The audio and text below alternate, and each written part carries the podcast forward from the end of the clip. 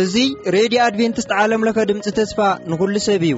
ሬድዮ ኣድቨንትስት ዓለምለኸ ኣብ ኣዲስ ኣበባ ካብ ዝርከብ እስትድዮ እናተዳለወ ዝቐርብ ፕሮግራም እዩ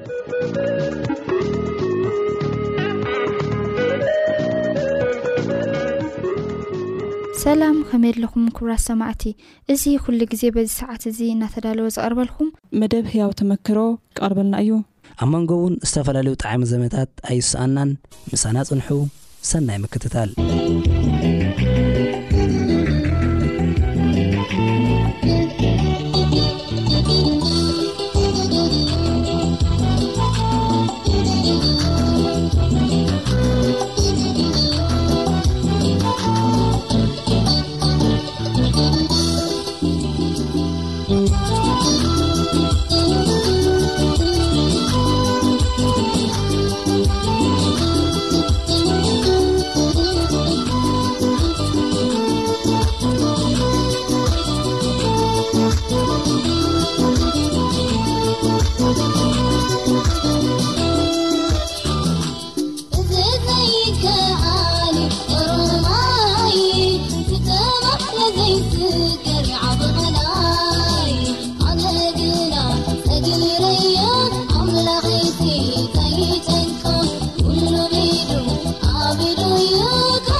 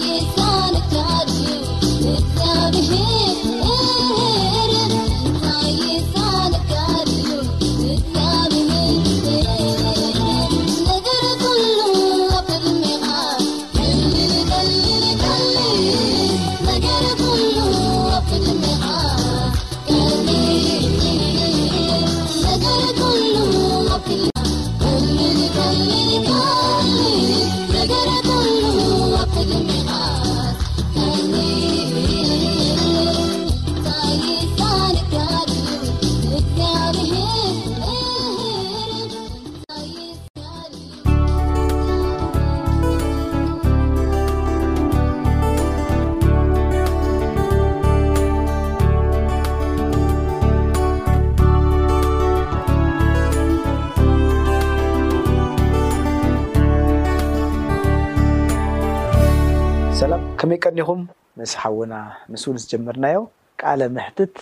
ምስክርነትን ክንቅፅል ተዳሊና ኣሎና ሎሚ እውን ከም ወትሩ ምሳይ ኣብዚ ምስጉን ረኺብሎም ምክትታልኩም ንዕድም ሳና ጽንሑ ቅድም ምጅማርና ግን ጸሎት ክንገብር ይግብኣና እዩ ንጸሎት ራስና ነድነ ንጸሊ። ቅዱስ ዘለዓለማዊ ጻድቅ እግዚኣብሔር ኣቦ ብወድኻ ብኢየሱስ ክርስቶስ ስም ነመስግነካ ኣሎና ሕጂ ድማ እነሆ እቲ ተኣምራት ተግባራትካ ከነዘንቱን ክንዛረብን መጺእና ኣሎና እሞ ንስኻ ምሳና ክትከውን ንጽሊ ኣሎና ንዓኻ ከነመስግን ንሰምዕ ድማ ክንመሃረሉ ርድኣና። ምሳና ኩን ኣይትፈለየና ብሽም የሱስ ኣሜን። እስከ መን መን ትዝክር ካብኦም። ኣልፈለቃያ ናይ ግብጺ ረኽቦም ኢያ ሓደ ሓደ ግዜ እወ ትራኸብ ኣብ ግብጺ ዘለዉ ኢያ እወ ኣብ ግብጺ ብዙሓት ኣሕዋት ማርቲ። ኣለዉና ካብኡ ዝኸዱ በዓል ማርቲ በዓል ማርቲ ማርቲ ንደዋወል ኢና እወ ኣ ማርቲ ስለ ትደዋወሉ ኢኻ ቀልጢፍካ ዘኪርካያ ጽቡቕ እምበኣር እስኪ መቸም ብዙሓት እዮም ኣብ ሽግር ኣእቲካ ኣለኹ ካልኦት ከ ትዝክሮም ኣሕዋት ከ መን ኣሎ ብቀረባ ትዝክሮም ኣሕዋት ኣብ ሂወትካ ተራ ዝነበሮም ኣብ ሓጺር ግዜ መጺኦም ዝበልካዮም ኣንተ ጀሚርካዮም ኔርካ ድሓን እንተ ክትዛረበሎም ትኽእል ኢኻ። ብዙሓት እዮም ምሳና ኣብ መናብርትና ውን ዝነበሩ ኣብኡ ኣብ ኣገልግሎትና ዘገልግሉና ዝድግፉና ዝነበሩ። ብዙሓት እዮም ካብቶም መጺኦም ኣብኣ ቁሩብ ፍቅሮም ኣጥዒሞምና ዝኸዱ ዳኒኤል ሚላት ምስ ደቃ ማለት እዩ። ዓወት ከኣ ኔራ ትዝክራ ዲኻ ዓወት ኣብ ግዜኻ። እወ ኔራ ኣብ ቸርች መጺኣ ኣዉኡ ኔራ ኣብቲ ናይ ኮኣ ናይ። ኣት ሊስት ዝነበረ ሃዋህዉ በኣል መን ኔሮም ጦብላሕታ ንምፍጣር ዝኾነ ብዝብል እዩ ከመይ ዘይንርስዖ ታሪኽ ዝተፈጸመሉ ከም ዝበልካዮ ብዙሕ ኣሕዋት ብዙሕ ኣገልግሎት ብዙሕ ትምህርቲ ዝተማሃርናሉ እዩ ምናልባት ንስኻ ተትገልጾ ዝያዳ ጽቡቕ ይኸውን ገና ዕድል ክህበካ እየ። በብክፍሊ ጌርና እንዲና ካብቶም መናብርትና ዝነበሩ መገላገልትና ዝነበሩ ኣሕዋትክ። ካብቶም መገላገልትና ዝነበሩ ካብ ካርቱም እትው ኢለ ንፈለማ ዝረኸብክዎ ትፈልጥዎ ትኾኑ ሳሙኤል ፍስሃየ ሳሚ ነይሩ ኣምላኽ ይመስገን ዝተቐበለኒ ዋላ ኣነ ኣብ ካርቱም ክኣቱ ከለኹ ዝተቐበለኒ ኣብ ገዝኡ ዘዕቆበኒ ክሳብ ዝድልድል ይኹን ብኹሉ ብመንፈሳዊ ይኹን ብስጋዊ ብኹሉ ነገራት ኣብ ሂወተይ ዓቢ ኣበርክቶ ዝገበረ ዋላ ኣብቲ መንፈሳዊ ህይወተይ ንኽዓቢ ኣብዚ ዘለኽዎ ደረጃ ንኽበጽሕ ዝገበረ ኣምላኽ ይባርኮ ሳም ሓውና እዩ ሳም ብሩኽ እዩ ኣነ ብጣዕሚ እየ ድፈትዎ ኣባይ ጥራይ ዘይኮነሲ ዋላ ብዛዕባቶም ኣብ ቸርቺ ዝነበሩ ክጓስስ ኣዝየ ስርሑን ክሉ ተወፋይነቱን እቲ ኣብ ልዕሊ ኣሕዋት ዝነበሮ ፍቕርን ኣኽብሮትን ኣዝዩ ዝገርመኒ ኣብ ኩሉ ኣብ ቸርቺ ኣብ ዝነበርናሉ ብሓባር ፕሮግራም ይኹን ኣብ ቸርቺ ብሓደ ኣብ እነሕልፎ ዝነበርና ግዜ ኸኣ ኩሉ ግዜ ንኽትዓቢ ምሉእ ንኽትከውን ኣብ ጎንኻ ንትጽዓረ ምሽ ኣብታ ቸርችስ ገለ ኣበርክቶ ወይ ከኣ ገለ ገለ ነገር ሓላፍነት ክትሕዝ ከም ዘለካ ወይ ክህልወካ ከም ዘሎ ዝገብር እዩ እዚ ኸኣ ንኹሉ ነቲ ሰብ ንኽዓቢ እቲ ኣብቲ መንፈሳዊ ህይወት ይኹን ኣብ ኩሉ ነገራቱ እቲ መንፈሳውነቱ ተረዲእዎሲ ዓቢ ኣበርክቶ ክህልዎ ኣብቲ ኣብ ኩሉ ኣብቲ ቸርቺ ኣብቲ መንፈሳዊ ህይወት ዝገብር ዝነበረ ሳም ሓውና ዩ ኣምላኽ ባርኮ ኣዝየ ዝፈትዎ ዘፍቅሮ ሓው ዩ። ኣሜን ኣምላኽ ይባርካ እዚ ኩሉ ኣምላኽ ስለ ዘፍቅረካ ካብ ኣምላኽ ዝኾነ ህያብ ዩ መቸም ንሰብ ከይሃብካዮ ካብ ሰብ ሰናይ ጽቡቕ የልቦን ብዝኾነ ኣነ ውን ኣፍቅረካ እየ እግዚኣብሄር ይባርካ ገና ንዝክሮም ሰባት ኣለዉ። ያህ ኣለው ጀሚርና እምበር ዝውድኡ ኣይኮኑን። ኣብስር ከኣ ኣዝያ ጅግና ሓፍቲ እያ ኩሉ መንፈሳዊ ሂወታ ይኹን ኣብ ኩሉ እትገብሮ ነበረት ንፍዕቲ እያ ምስ ደቃ ወላ ኣብቲ ኣገልግሎት ብኹሉ ነገራት ከብለካ ይኽእል እንድዩ ምስቲ ናብራ ምስ ኩሉ ነገራት ግን በቲ ትገብሮ ዝነበረት ዓቅማ ብጣዕሚ ንፍዕቲ ደስ ተብል ሓፍቲ እያ ኣምላኽ ይባርካ ካልኦት ውን ኣለው በዓል ተስፋይ ካብቶም ዝኸዱ ተስፋይ ሚኪ ካብቶም ምሳና ኔሮም ዝኸዱ እዮም ዋላ በዓል ጳውሎስ ኔሮም መጺኦም በጺሖም ኣብኡ ጌሮም ብዙሓት የሕዋት ኔሮምና ምሳና ቁሩብ ኣቢሎም ፍቕሮምን እቲ ኩሉ ነገራቶም ኣርዮም ግን ገዲፎምና ዝኸዱ ዝነበሩ ናብ ካልእ ዝኸዱ ዝነበሩ የሕዋት ብጣዕሚ ብዙሓት ኣለዉ ተስፋይ ዘመደ ኣሎኻ ብጣዕሚ ጅግና ዝኾነ ሓዊ ኣለና ብጣዕሚ ጽቡቅ ኢና ነሕልፍ ኔርና ተውየ ከኣ ኣሎ ተውየ ጠፋእኻ ኢለ ኔረ ኣነሲ መዓስ እዩ ዝዝክሮ ልዕሊ ክዘክሮ ኢለ ተውየ ተውየ በይኑ ዲ ተውየ በይኑ ነይሩ ምስ ሰበይቱ ምስ ኣስኪ ተውየ ኣስኪ ሰሚዓትካ ኣላ ኣስኪ ነይሮም ሮዚ ነይራ ዓቢ ተራ ዝነበሮም ኣብቲ ቤተክርስትያን እዮም ከኣ ኣዝዮም ኣምላኽ ባርኮም ዋላ በዓል ሮዚ ብጣዕሚ ብዙሕ ነገር ኣብቲ ቸርች ዝሕግዛና ብስጋ ይኹን ዋላ በቲ መንፈሳዊ ይኹን ብኹሉ ነገራት ዝሕግዛና ዝነበራ ኩለን ኣሕዋት እየን ኣምላኽ ባርኮም ኣለዉ ብዙሓት ግርም ነዚኦም ኩሎም ብሓደ ቃል እንታይ ትብሎም። ብጣዕሚ ኣምላኽ ባርኮም ኣኣብ ዘለዎም እግዚኣብሔር ሲ ኣብ መንፈሳዊ ሂወቶም መጀመርታ እሱ እንድዩ እቲ ኣገዳሲ እግዚኣብሔር ኣምላኽ ምስ ተጸውዓና ሲ ከም ፍቃድ ኣምላኽ ኣብ ቅድሚ ኣምላኽ ኔርና ሲ ከምኡ ኮና ምስ ጎይታ ክንነብር ኣብ ኩሉ መንፈሳዊ ሂወቶም ከኣ ብርተዐ ተወፋይነት ብኩሉ ንቁሓት ከይኖም ክሳብ መወዳእታ ኣብ ቅድሚ ኣምላኽ ደው ክብሉ እዚ ናይ ልበይ ትምኒት እዩ ኣብ ዘለዎ እግዚኣብሔር ይባርኩም ኣምላክ ጸግኡ ይብዛሓሎም። ኣሜን እምበኣር ኣብቲ ዘለኹሞ ሱዳን ኣሕዋት ነዚ መደብ እዚ ትከታተሉ በብዘለኹሞ ሰላምን ፍቕርን እቲ ሓሳብ ድሌት ልብታትኩም ንፉዓት ተጸበይቲ ምጽኣት የሱስ ክርስቶስ ክትኮኑ ድማ ንውን ንምነየልኩም ብኻልእ መደብ ብፍሉይ መደብ ሒዝና ድማ ክሳብ ሓደ መዓልቲ እንመጽእ ኣብ ዘለኹሞ ጽቡቕ እምነየልኩም ኣነ ከኣ ንእግረ መገደይ ናይ ሱዳን ክዝክሮ ከለኹ ሓደ መዝሙር ይዝከረኒ በምሓርኛ መዝሙር ኣላ ሰኣል ሒዝኒ ኣሎ ከይዘምራ ጽቡቕ ገይረ የማረሳው የማረሳው ፍጹም የማረሳው ኢላ ትዝምር ኣለ ዘይርስዖ ዘይርስዖ ዘይርስዖ ታላቅ ህዝብ ዝገብርካዮ ዘይርስዑ ድሓር ኣንድነታችንን ሳስታውሰው ትብል ኣብኣ ልበይ ትትንክፈኒ ሓድነትና ሕብረትና ኣይርስዖን እየ ካብ ዘይርስዖ ነገራትሲ ሓደ እሱ እዩ እሞ መቸም ኩሉ ነገር ምስ ሓለፈ ድፋንቐካ ትምንዮ እንደገና ተመሊሱ ክትሪኦ ዘጉደልካዮ ነገራት ደልዩ ክትምልኦ ዘበላሸኻዮ ነገር እንተልዩ ክትዕርዮ ከምኡውን መሊእኻ ክትህቦ ክትገልጾ ዝደለኻ ካልእ ብዙሕ ነገራት እውን ክትገብር ትደሊ ተተባባዕ ትደላለ ኢኻ ብዙሕ ኸኣ ከም ደቀይ እየ ዝርእየኩም ነይረ እሞ ናይ ኩሉኹም ብዙሕ ፍቕሪ ኣነ ካብ ኣብታ ቦታ ተፈልየ ክሳብ ዝምለስ ብናፍቖት ብሃረርታ እየ ዝምለስ ገርመኒ ብዙሕ ኣገልግሎታት ነይርኒ ብዙሕ ዕድላት ነይርኒ ካልእ ካብ ካርቱም ወጻኢ ግን ዘሊለ ኣብ ካርቱም እኸይድ ነይረ። ማለተይ ሓደ ነገር ይርድኣኒ ነይሩ። ጐይታ ኣብዚ ደው ዘብ ኣብዚኣ ዘምጽኣኒ ኣሎ። እቲ ጐይታ ዝሃበኒ ስራሕ ኣብዚ ዕዮ ኣይወዳእኹን እብል ነይረ። ተመሊሰ ከገልግል እኽእል ከኣ ስለ ዝነበርኩ ከሳብ ኣብዚኣ ምግልጋል ደው ወይ ከኣ ዝኽልከለላ ወይ ከኣ ካልእ ቦታ ዝምረሓላስ ከገልግል እየ ዝብል ነይረ። እግዚኣብሄር ከኣ ከምኡ ገይርዎ ኣሎ። ሳላ እዞም ኣሕዋት እዚኣቶም ከኣ ብዙሕ ተተባቢዕና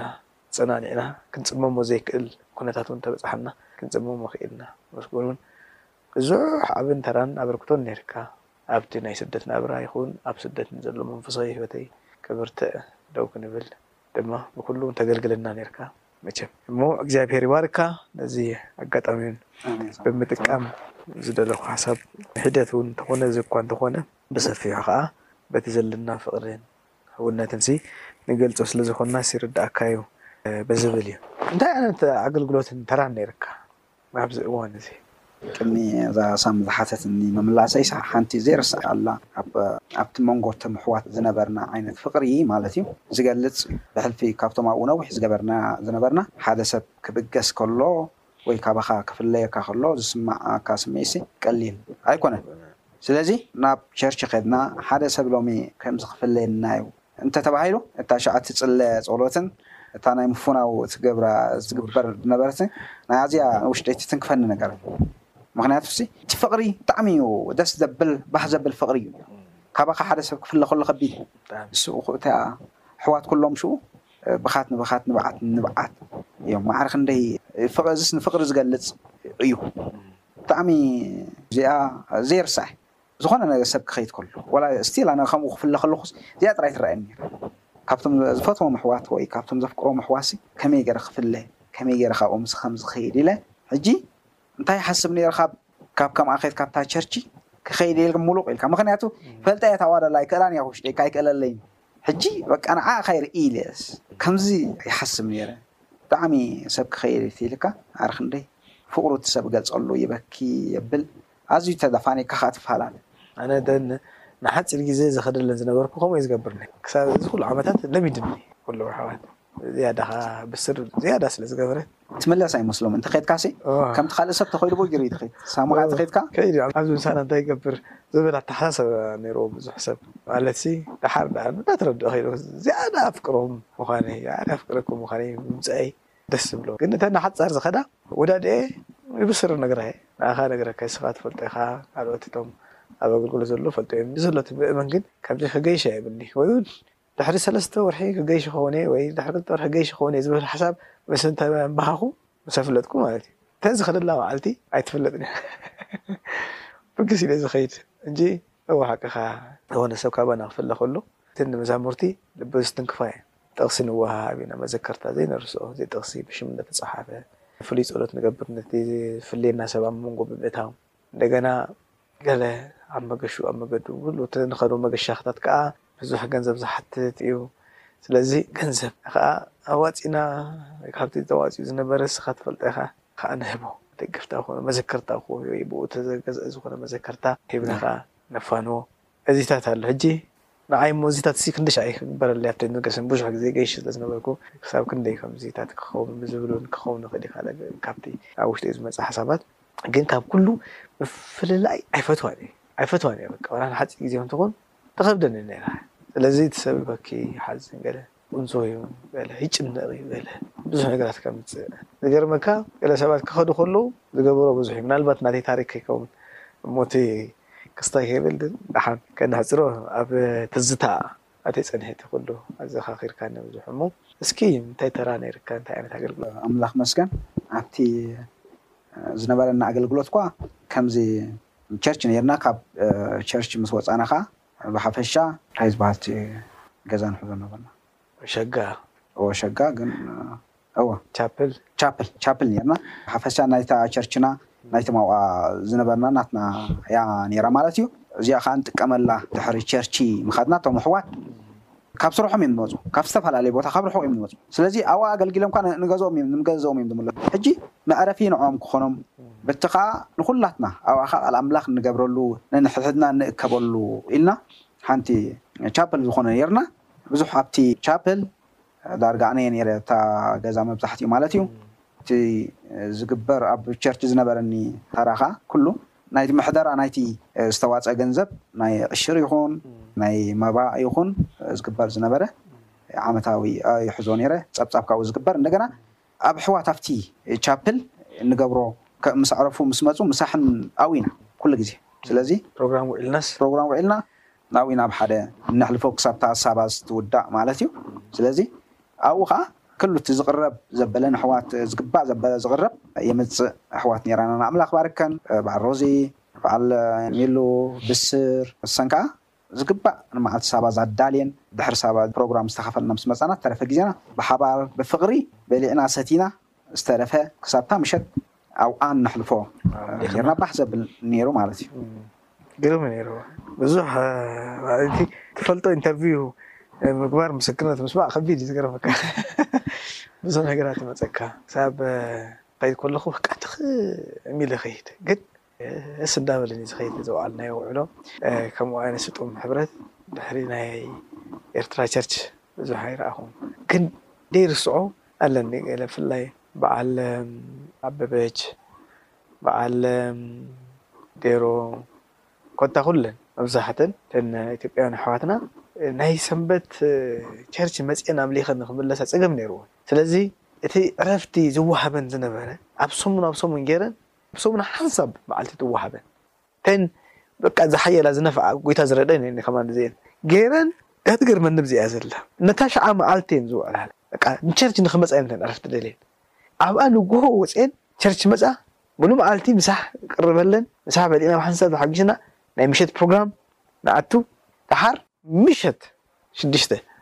ዝኮነ ትኽ ኢሉ ናበይ እንዲኸና ናብቲ ንሰርሐ ቤተሰብ ምብፃሕ ኣሎ ካልእ ጉዳያት ምግባር ኣሎ ገለ መለ ኩሉ ገዲፉ ንዑ በቃ ብችር ዝጥላ እዚኣ ጥራሕ እያ እንቋዕ ረኸብና ኢለን እንጂ ብሓንሳብ ምብላዕና ክኒኡ ነዚኤን ኣሕዋት ከዓ ይድግፈን እዩ በቃ በልዒ ንኸዳ ሙሉእ መዓልቲ ዝኸዳ ኣሎ ገገሊእና ገዛና ኢና ንኸይድ ሽዑ ተቐረበልና ዝሰራሕናዮ ምግቢ ድዩ ዘለና ድዩ በሊዕና ንሳተን ግና መሊሰን ኣብታ ስራሕ እየን ዝኸዳ። ክኸዳ ከኣ ኣብ ርሑቕ ቦታ እየን ዝኸዳ መገዲ ኣሎ ገለ መለ ሕጂ እሱ ከኣ ይሕብነኒ ነይሩ በቃ በሊዔን ከይደን ድሕሪኤ ገሊኤን ሕጂ ርሑቕ ቦታ ስለ ዝኸዳ እተን ናይ ምሸት ወርሺፕ ውን ደይርክባ ኣለዋ በቃ ኣብ እታ ሕብረት ጥራሕ ኣብታ ምሳሕ ብሓንሳብ ንውዕል በሊዕና ሽዑ ንኸይድ ማለት እዩ እሞ እዚታት ገለ ካብቲ ክትዘረብ ከለኻ ጦብላሕ ኢሉ ዝመጸኒ እሞ እዚ ብዙሕ ባህ ዘብለኒ እዩ ሕራይ ምስጉን እግዚኣብሔር ይባርካ ኣሜን ሰማዕዋ ክሳብ ሕጂ ስለቲ ጎይታ ዝገበረልካ እሞኸኣ ትምስክረልና ጸኒሕኻ ዝሃንጽ ንዓይ ከኣ ብፍሉይ ከም Host ብዙሕ ዘደፋንቐኒ ብዙሕ ኣብ ውሽጠይ ዘዘኻኽረኒ ተዘክሮታትን ትዝታን ኣምጺእኻለይ ኢኻ እግዚኣብሄር ይባርካ። ኣሜን ሳዋ ሓለፋይ ተባረኽ። ኣሜን ተኸታተልቲ መደብና ኣብዚ ጥዑም ዕላልና ፍርቂ ቆሪጽናዮ ኣለና እንታይ ክንገብር ግዜ ደሪትርና ኣሎ ስለዚ ሎሚ ኣብዚ ደው ኣቢልና ኣለና ኩሉኹም ከኣ ክትሳተፉን ክትዕደሙሉን ከኣ እላበወኩም ኣብ ለበዋይ ብዙሕ ዘይርስዓ ኩላህና እግዚኣብሔር ዝገበረልና ነገራት ኣሎ ስለዚ እቲ እግዚኣብሔር ኣምላኽ ዝገበረልና ነገራት ክንነግር ይግባኣና እሞ ክንነግሩ መደብ ዘለኩም ኣሕዋት ክትረኽቡኒ ይከኣል እዩ